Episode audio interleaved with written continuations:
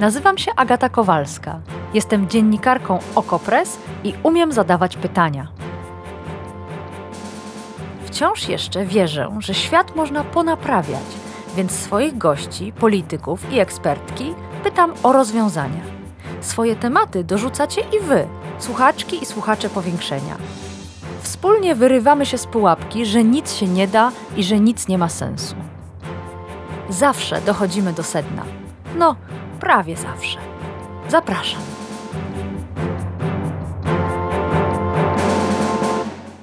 Było już wysypywanie zboża na tory, rozsypywanie warzyw przed Sejmem, a teraz chodzi o jajka.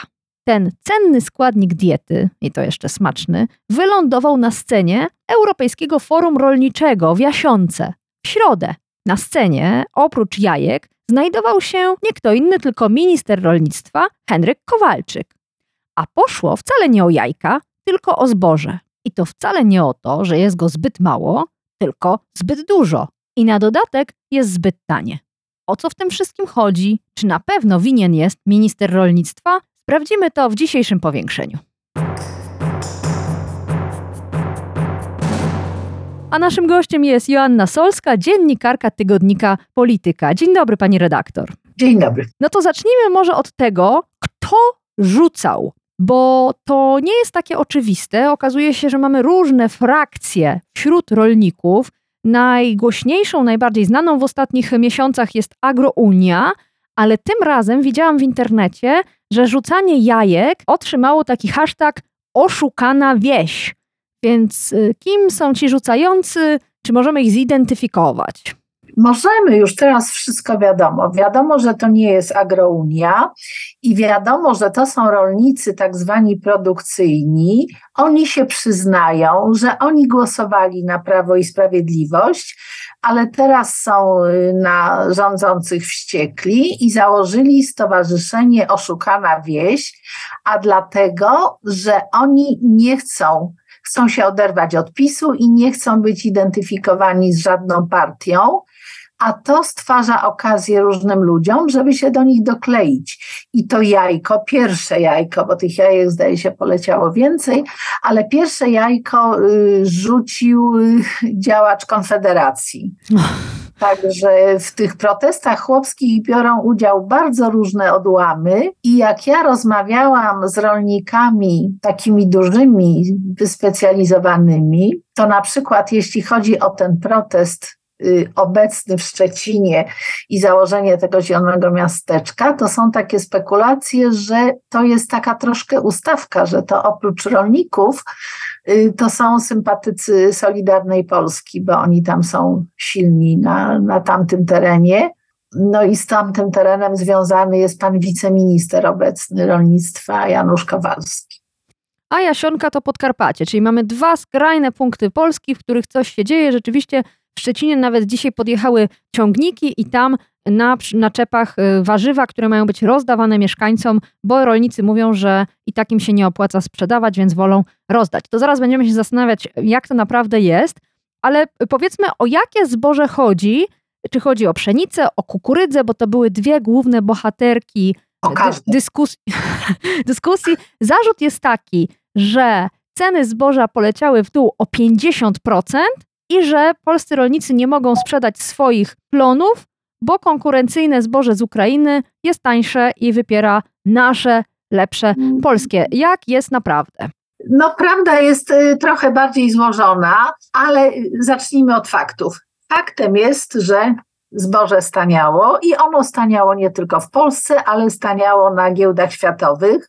I drugi fakt jest taki, że w tym samym czasie, kiedy zboże zaczęło tanieć, a ono dokładnie, jak ja rozmawiałam z analitykami, to oni mówią, że 22 lipca to jest mniej więcej czas żniw i to jest czas, kiedy pan wicepremier i minister rolnictwa w jednej osobie, Henryk Kowalczyk, yy, biegał po różnych yy, telewizjach prawicowych i namawiał serdecznie rolników, żeby broń Boże nie sprzedawali swoich plonów teraz, mimo że to były bardzo korzystne ceny, tam za, za pszenicę w skupie płacono 1600 zł, dzisiaj to nawet 1000 jest nieosiągalny.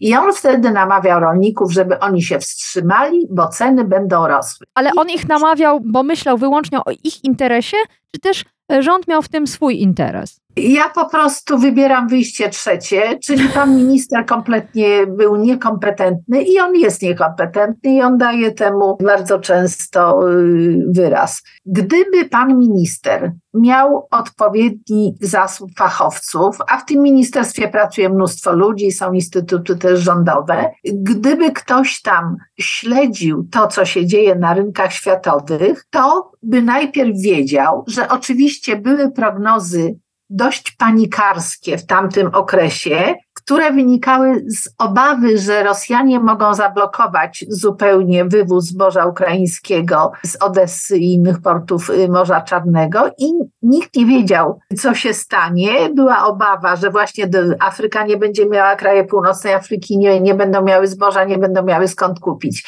I ta cena była wyjątkowo wysoka ale 22 lipca, czyli też w żniwa, zostało podpisane porozumienie, tak. które negocjował właśnie ONZ i Erdoğan, że o tym, że może Rosja godzi się na przewożenie y, zboża hmm. ukraińskiego z portów Morza Czarnego. I, I, i bańka pękła. Mhm. Tak. Ale pani bańka redaktor. Pękła I zboże zaczęło tanieć. Otóż to, otóż to jest ten moment, na który czekałam, ponieważ myśmy wszyscy byli przekonani, że to zboże z Ukrainy ma nakarmić Afrykę. Dokładnie takie słowa były. Tak. Zresztą jak te statki ruszyły z czarnomorskich portów, to afrykańskie państwa wyrażały wielką radość i komunikowały, że to jest to, na co czekały. A tu się okazuje, że w jakiś sposób, a przynajmniej tak twierdzą polscy rolnicy, ukraińskie zboże zaburzyło czy też wpłynęło na rynek polski. Dlaczego i czy to jest zgodne z przepisami i polską racją stanu? Jak to wygląda? Ja znowu wrócę do pana ministra Kowalczyka, bo to on wtedy, kiedy to i to porozumienie zostało podpisane i kiedy wojna wybuchła, on publicznie obwieszczał, że damy radę, że to zboże ukraińskie przejedzie tylko przez Polskę tranzytem, zostanie załadowane w portach, trafi do północnej Afryki i że my tego tranzytu to możemy ho, ho 20 milionów ton zboża. To są słowa pana Kowalczyka do odnalezienia w mediach. Ale teraz minister Kowalczyk, jak się broni przed tymi jajkami i przed tymi zarzutami, gwizdami, buczeniem, to tłumaczy, że to nie jego wina, tylko Komisji Europejskiej, która pozwoliła na otwarcie granic.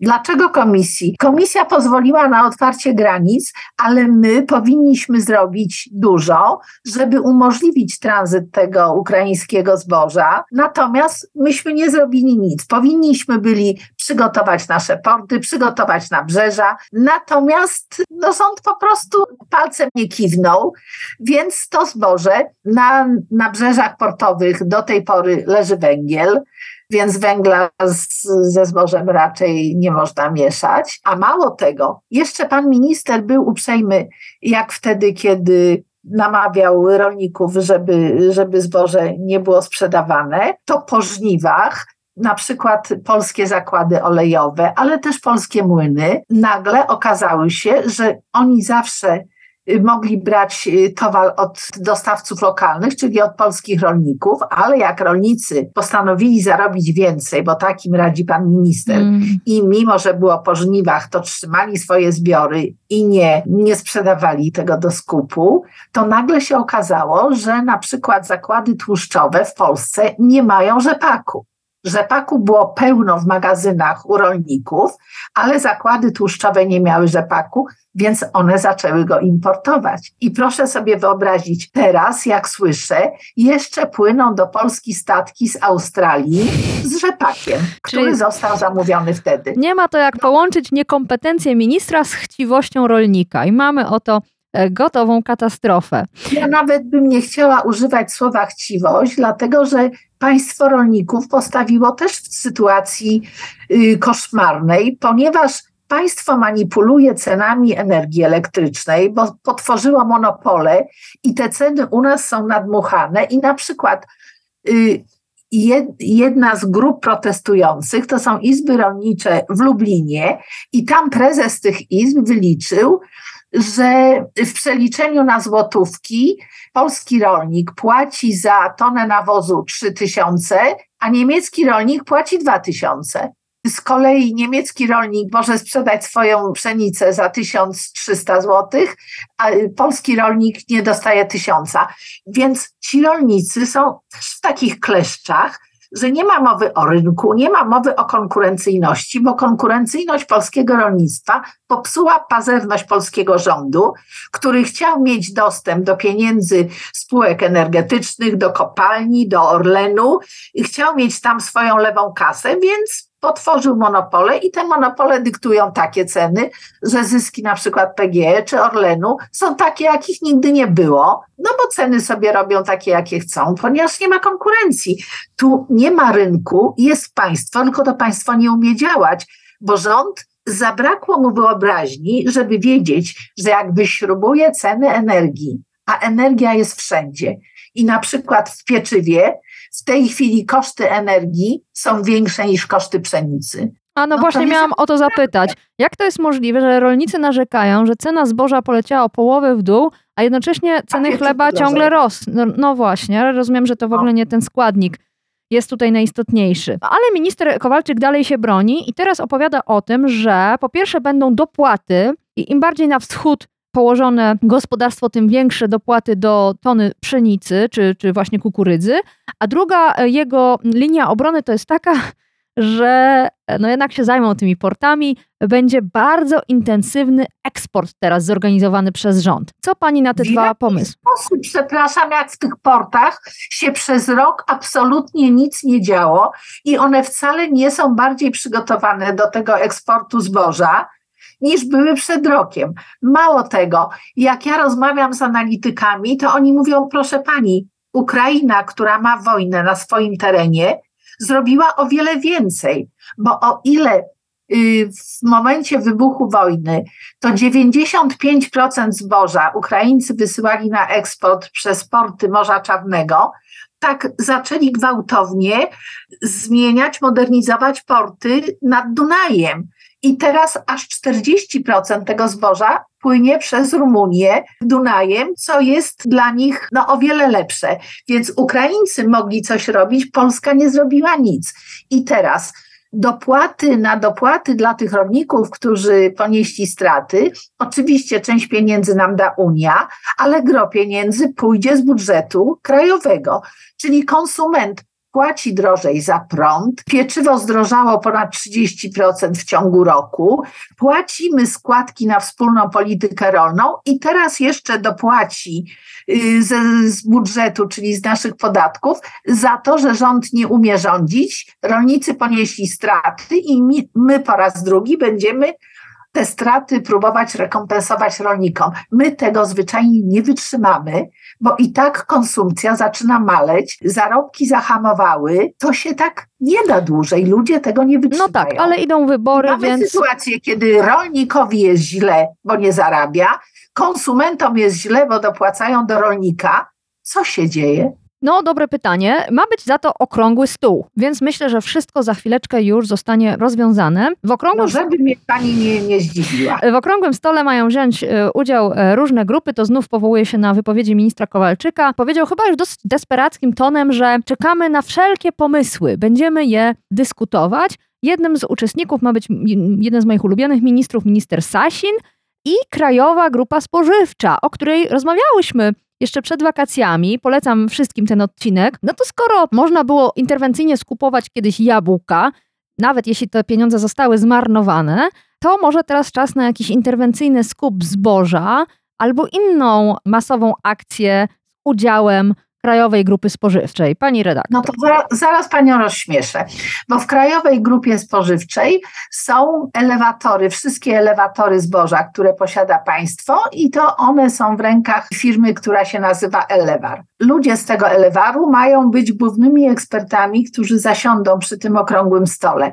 Ale Elewar jest w takiej samej marnej sytuacji jak rolnicy, którzy protestują, ponieważ nakupował zboża, i z tym zbożem został, a teraz tego zboża nie sprzeda po takich cenach, jak kupił, czyli lewał to nie w długach. I teraz ten, który też nie patrzył, co się dzieje na rynkach międzynarodowych, nie śledził tych trendów i teraz ten, nasuwa mi się brzydkie słowo, ale go nie użyję, w każdym razie ten niełuk i niekompetentny uczestnik okrągłego stołu będzie podpowiadał również niekompetentnemu ministrowi i wicepremierowi od rolnictwa, jak wyjść z tej sytuacji. No, powodzenia życzę, tylko moja złość bierze się z tego, że to wszystko się odbywa za nasze pieniądze. A jeszcze jedno, jedna kwestia, bo tutaj rolnicy alarmują, że sytuacja będzie się powtarzać rok w rok. Ukraina będzie to swoje zboże wysyłać, a polski rolnik tracić. Czy to jest rzeczywiście możliwe? Bo o ile w zeszłym roku mówiliśmy o tym, że Ukraina ma wciąż jeszcze zapasy, które może sprzedać,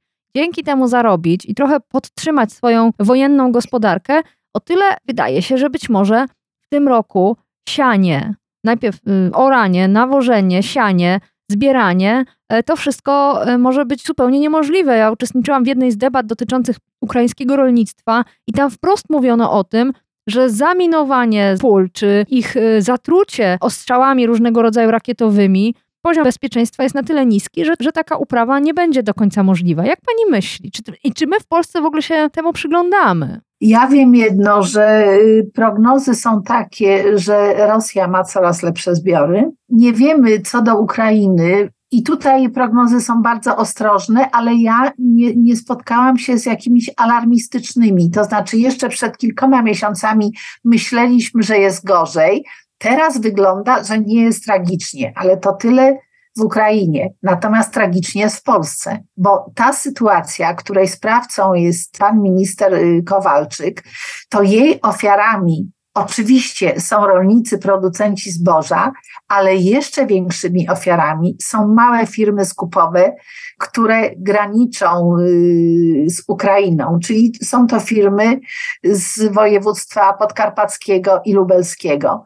I te firmy będą plajtować, ponieważ one skupiły zboże po tych wysokich cenach i teraz z nim zostały, ale żeby to zboże skupić, one musiały wziąć kredyty skupowe. I teraz banki żądają od nich albo zabezpieczeń, a one tych zabezpieczeń nie mają, albo y, natychmiastowego zwrotu pożyczek, czego też nie mogą zrobić, bo, bo nie mają gotówki. Więc y, mówią mi analitycy, że zosta, został przez takie złe działania rządu, został rozwalony kupna na wschodzie kraju i nie będzie miał kto kupować tego zboża polskiego, jak ono będzie. A jeśli do tego dojdzie nam ukraińskie, to nie jesteśmy też do tego tranzytu przygotowane, bo jak powiedziałam, nie zrobiono nic, żeby ten tranzyt mógł być. Poza tym tranzyt na południe do Afryki przez północ, czyli Morze Bałtyckie, jednak kosztuje więcej niż tranzyt y, z portów naddunajskich, więc to też podraża koszty. Natomiast ja nie widzę, żeby ktoś analizował to, ktoś się tym przejmował, ktoś szukał rozwiązania. Niestety pan minister Kowalczyk nie ma pojęcia o rolnictwie, on ma pojęcie o polityce i partia rządząca nigdy nie, nie przyglądała się temu rolnictwu produkcyjnemu, ponieważ ona ma dokładnie przeanalizowane, że ona musi zdobyć głosy wsi, a nie głosy rolników produkcyjnych. Rolników jest na wsi 10%. Oni się nie bardzo dla PiSu liczyli. Teraz zaczynają się liczyć, bo każdy głos będzie ważny, bo tu idzie o władzę, ale oni nie mają zamiaru modernizować rolnictwa, ułatwiać y, temu rolnictwu życie, spowodować, żeby ono ponosiło y, mniejsze koszty. Nie, oni będą walczyć z Unią o rekompensaty i będą nas pozbawiać gotówki, żeby ją przetransferować do rolników i tak wygląda obecna polityka. Także to wszystko zapowiada jeszcze gorsze lata niż te, które mamy w tej chwili, a mamy potężną inflację i jeśli oni tak będą traktować producentów rolnych, jeśli oni będą mieli takie koszty do poniesienia, to ja nie mam złudzeń, że ta inflacja tak bardzo hamować nie będzie, jakbyśmy chcieli. A pan e, Kołodziejczak z Agrounii mówi, że jego zdaniem rolnicy będą mniej obsiewać. No jeżeli on ma rację, no to będzie jeszcze gorzej, bo będzie mniejszy, mniejsza podaż tych płodów rolnych, a to jeszcze się zderza z sytuacją na południu Europy i ocieplenie klimatu spowoduje to, że tam pewne uprawy będą coraz trudniejsze, będą wypadały, więc będzie popyt konsumentów europejskich kierował się na produkcję, również, zwłaszcza warzyw w Polsce. I my potencjalnie mieliśmy być beneficjentami tego ocieplenia klimatu, bo warunki do produkcji warzyw mamy znakomite pod warunkiem, pod warunkiem, że my będziemy umieli nawadniać w oszczędny sposób te uprawy. My tego, no może byśmy umieli, ale nie umiemy gromadzić wody. Więc nie jesteśmy w stanie wykorzystać szans i tak drepczemy i, i nikt nie ma pomysłu na to rolnictwo. Niby ono jest wielką szansą, ale jak ja rozmawiałam z grupą producentów warzyw, i oni mi mówią, a rozmawiałam nie, nie tak dawno temu, kilka dni już po wybuchu aferze w NCBR-ze. I oni mówią, że oni z naukowcami opracowali oszczędny system nawadniania warzyw. To jest tak zwany system kropelkowy, który nie sięga do wód gruntowych. Mm. I oni poprosili o dotację NCBR jeszcze w 2021 roku, kiedy nadzorowało to Ministerstwo Czarnka. I oni do tej pory nie dostali odpowiedzi. A w tym czasie NCBR rozparcelował kilka miliardów y, złotych na różne innowacyjne przedsięwzięcia y, typu Grupa Bielana. No tak, no tak. Polityka górą a wody mamy tak pod dostatkiem w naszym kraju, że nie trzeba żadną metodą kropelkową podlewać. E, starczy dla wszystkich, jak wiemy. Oczywiście e, ironizuję, bo susza w zeszłym roku była straszna, a w tym roku no może będzie trochę lepiej, zobaczymy. Na pewno będziemy się temu przyglądać. E, no dobrze, pani redaktor, słyszę, że jest pani pełna optymizmu i czeka z utęsknieniem. Nie na... jest, gotuje się ze złości. Na ten okrągły stół, przy którym zapewne padną pomysły mądre, zrównoważone i nie mające nic wspólnego z kampanią wyborczą. Nic tylko czekać na kolejny epizod polskich zmagań z rolnictwem w kraju rolniczym z tradycjami. Bardzo dziękuję za to spotkanie Joanna Solska z Tygodnika Polityka.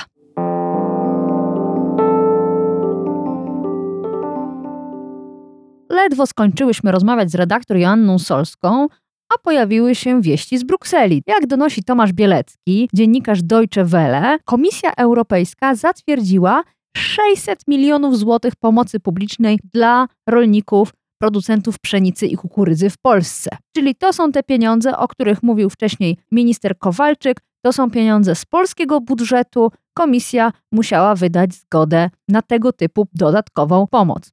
Czyli za chleb zapłacimy podwójnie, najpierw w sklepie, gdzie większość ceny stanowi paliwo, a nie wcale zboże, a potem drugi raz z naszych podatków, dopłacając do nieudolnie prowadzonej polskiej polityki rolnej. Zadowoleni? Na pewno. Dziękuję Wam za wysłuchanie tego odcinka. Mam nadzieję, że było i do śmiechu, i do płaczu, jak w najlepszej tragikomedii, czyli jak w polskiej polityce.